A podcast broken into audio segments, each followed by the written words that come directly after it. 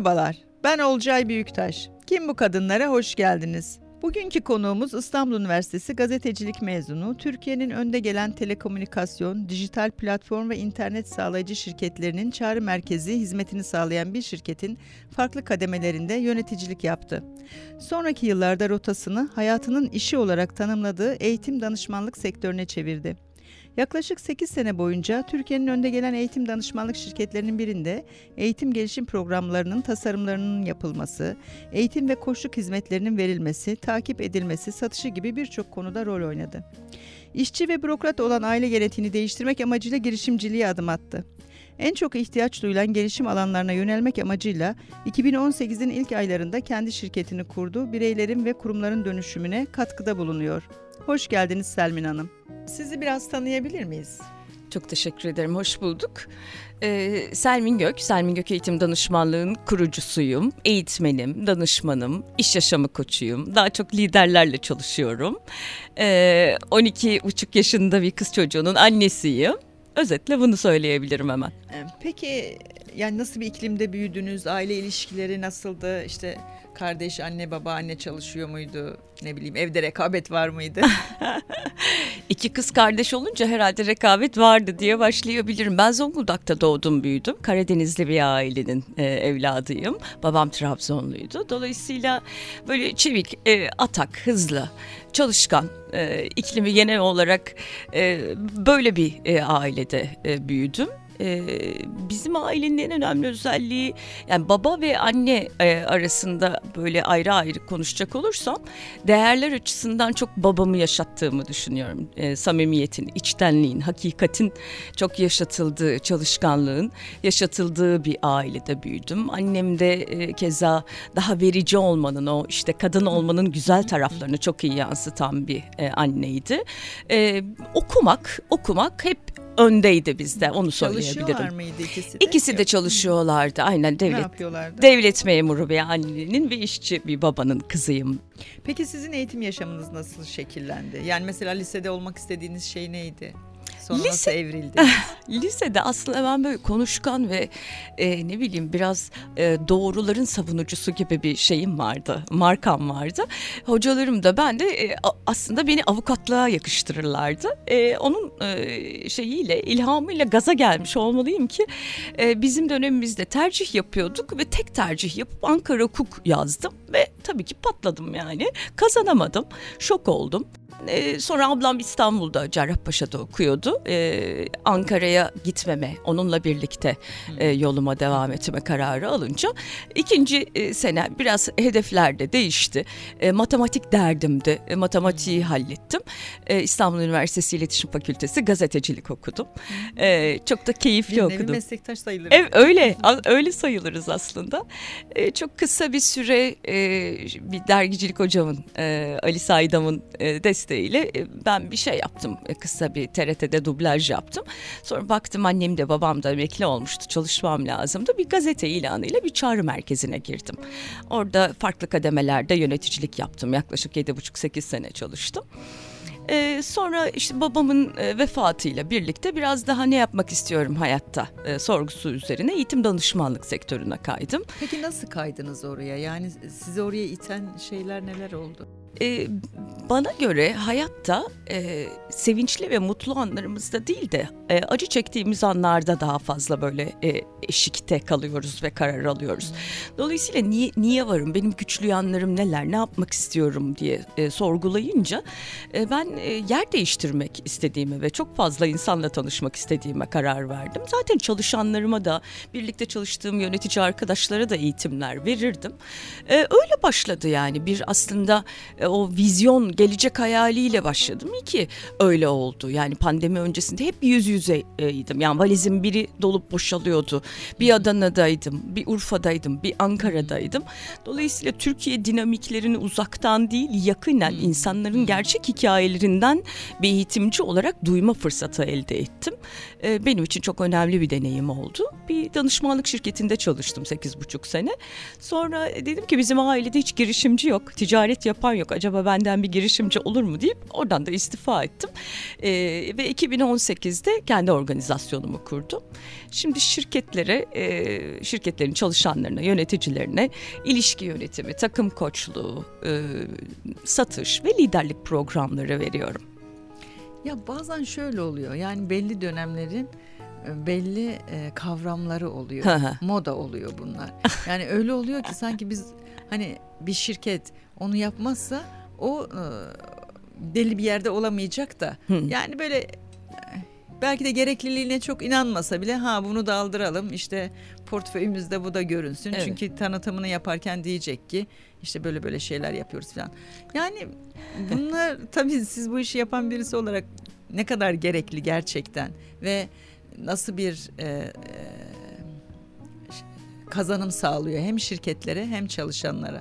Evet yani özellikle e, yeni nesil buna çok önem veriyor. Yani şirket bana e, yatırım yapıyor, beni değerli görüyor. O yüzden de burada var olabilmem, bütün kaynaklarımı kullanabilmem için beni destekliyor hissiyatına varıyor. Bütün araştırmalarda e, dünyada bunu gösteriyor. Dolayısıyla organizasyonlar açısından e, hakikatli bir şey yaparsanız, gerçek bir e, yatırım yaparsanız, sahiplenirseniz bu programlar işe yarıyor. Biz erişkin yetişkin olduğumuzda eğitimi bir kenara bırakıyoruz. Hı. Sanki hayatımızda evet, bitti gibi, bitti gibi biz olduk gibi oluyor. Oysa ki öğrenme gerçekten e, bizim erişkin hayatımızdan sonra ba- başlıyor. Esas öğrenme, hayat yaşamı nasıl yaşayacağımız, kendimizi tanımamız. Yani 30-35'lerini aşkın ve kendini tanımayan çok insanla karşılaşmışımdır. O yüzden androgojinin temel kaynakları e, çocuklardan farklı olsa da aslında hep gelişim, büyüme ve hayat yolculuğunda kendinde ve e, dış dünyada derinleşmeye dayanıyor. O anlamda kazanımı bol diyebilirim. Peki hani e, artık uzun süre diyebiliriz yapıyorsunuz bu evet. işi ve farklı alanlarda da yapıyorsunuz. Evet. Ee, sizin e, gerekli gördüğünüz yani e, alanlar hani bu konularda mutlaka atıyorum işte kobiler dahil hatta evet. çalışanlarına şu eğitimi aldırmalılar dediğiniz alanlar hangileri? Ya bir kere hani e, biz deriz ki e, Peter e, Drucker'ın bir sözü vardır. Kültür stratejiyi kahvaltıda yer diye çok severim. E, kültür oluşturan üstteki liderler. Dolayısıyla tepe yönetimden aşağıya doğru inen bir iklim ve kültür varsa eğer en büyük hata alt tabana geniş tabana eğitim verip e, liderleri boş bırakmak oluyor. Pandemide hmm. bu farkındalığın arttığını görüyorum. Dolayısıyla bir program, bir dönüşüm yolculuğu, gelişim yolculuğu başlatılacaksa yukarıdan başlıyor artık. Entegre, bütünleşik geliyor. E, dolayısıyla ben e, bu anlamda da e, organizasyonlarda liderlik programlarının, liderlerin koçluk e, yetkinliklerinin, e, daha çok e, çalışanların kendi öz yönetimle ilgili konularının, kendi gelişimlerine, kişisel gelişimlerine katkı sağlayacak e, programların, örneğin işte duygusal dayanıklılık gibi, e, o e, duyguları ifade etme gibi, e, ilişki kurma becerilerini geliştirme gibi ya da işle ilgili yetkinlikleri örneğin satış gibi becerilerinin e, gelişmesinin gerekli olduğunu düşünüyorum açıkçası. Peki sizden talep edilen konular, alanlar neler oluyor? Genelde bunlar oluyor. Yani, yani şey, ilişki örtüşüyor yönet yani örtüşüyor. Yani hmm. ilişki yönetimi deyince beni bulurlar. Bilmese de bulurlar. Takım koçluğu deyince beni bulurlar. Liderlik ve satış deyince de organizasyonlar e, beni bulurlar. Yani hiç iş yapmadıysak da e, isim olarak birilerinden mutlaka tavsiye kanalıyla gelirler. Peki yani o birbirinden çok farklı şirketler, çok farklı alanlarla çalışıyorsunuz o zaman. Doğru. Yani şimdi biz biraz daha aslında hani kadının çalışma yaşamındaki yeri, işte ne bileyim engelleri, şunları bunları filan da gündeme getirmek ve biraz hani o eşitliği bir damla da olsa su taşımak istiyoruz. Evet. Yani sizin mesela bu konudaki gözlemleriniz nelerdir? Yani hani e, kadınların önü ne açılıyor mu ya da söylendiği gibi o kırık merdivenler, cam tavanlar, cam tavanlar. rastlıyorlar mı? Siz neler yaşadınız? Birebir örneklendirebileceğiniz şeyler var mı? Var mı? Yani ben burada e, Olcay Hanım şunu diyebilirim. Belki hani e, çok özellikle son 2-3 yıldır Türkiye'de çok sıklıkla terennüm ettiğimiz bir kelime var. Ne o? Liyakat. Hmm. Liyakat e, cinsiyet farkı gözetmeksizin hepimiz için çok önemli. Hmm. Bununla birlikte kadınlar liyakatını ispatlamak durumunda kalıyorlar. En büyük eşitsizliklerden bir tanesi bu. Hmm. Eskaza bir de güzelseniz yani sizin e, ortaya koyduğunuz başarı, sonuçlar e, bir işte kadere, fırsata, şansa, güzelliğinize, birinin adamı olmanıza, e, birinin eşi olmanıza bağlanabiliyor. Bu en büyük eşitsizliklerden bir tanesi.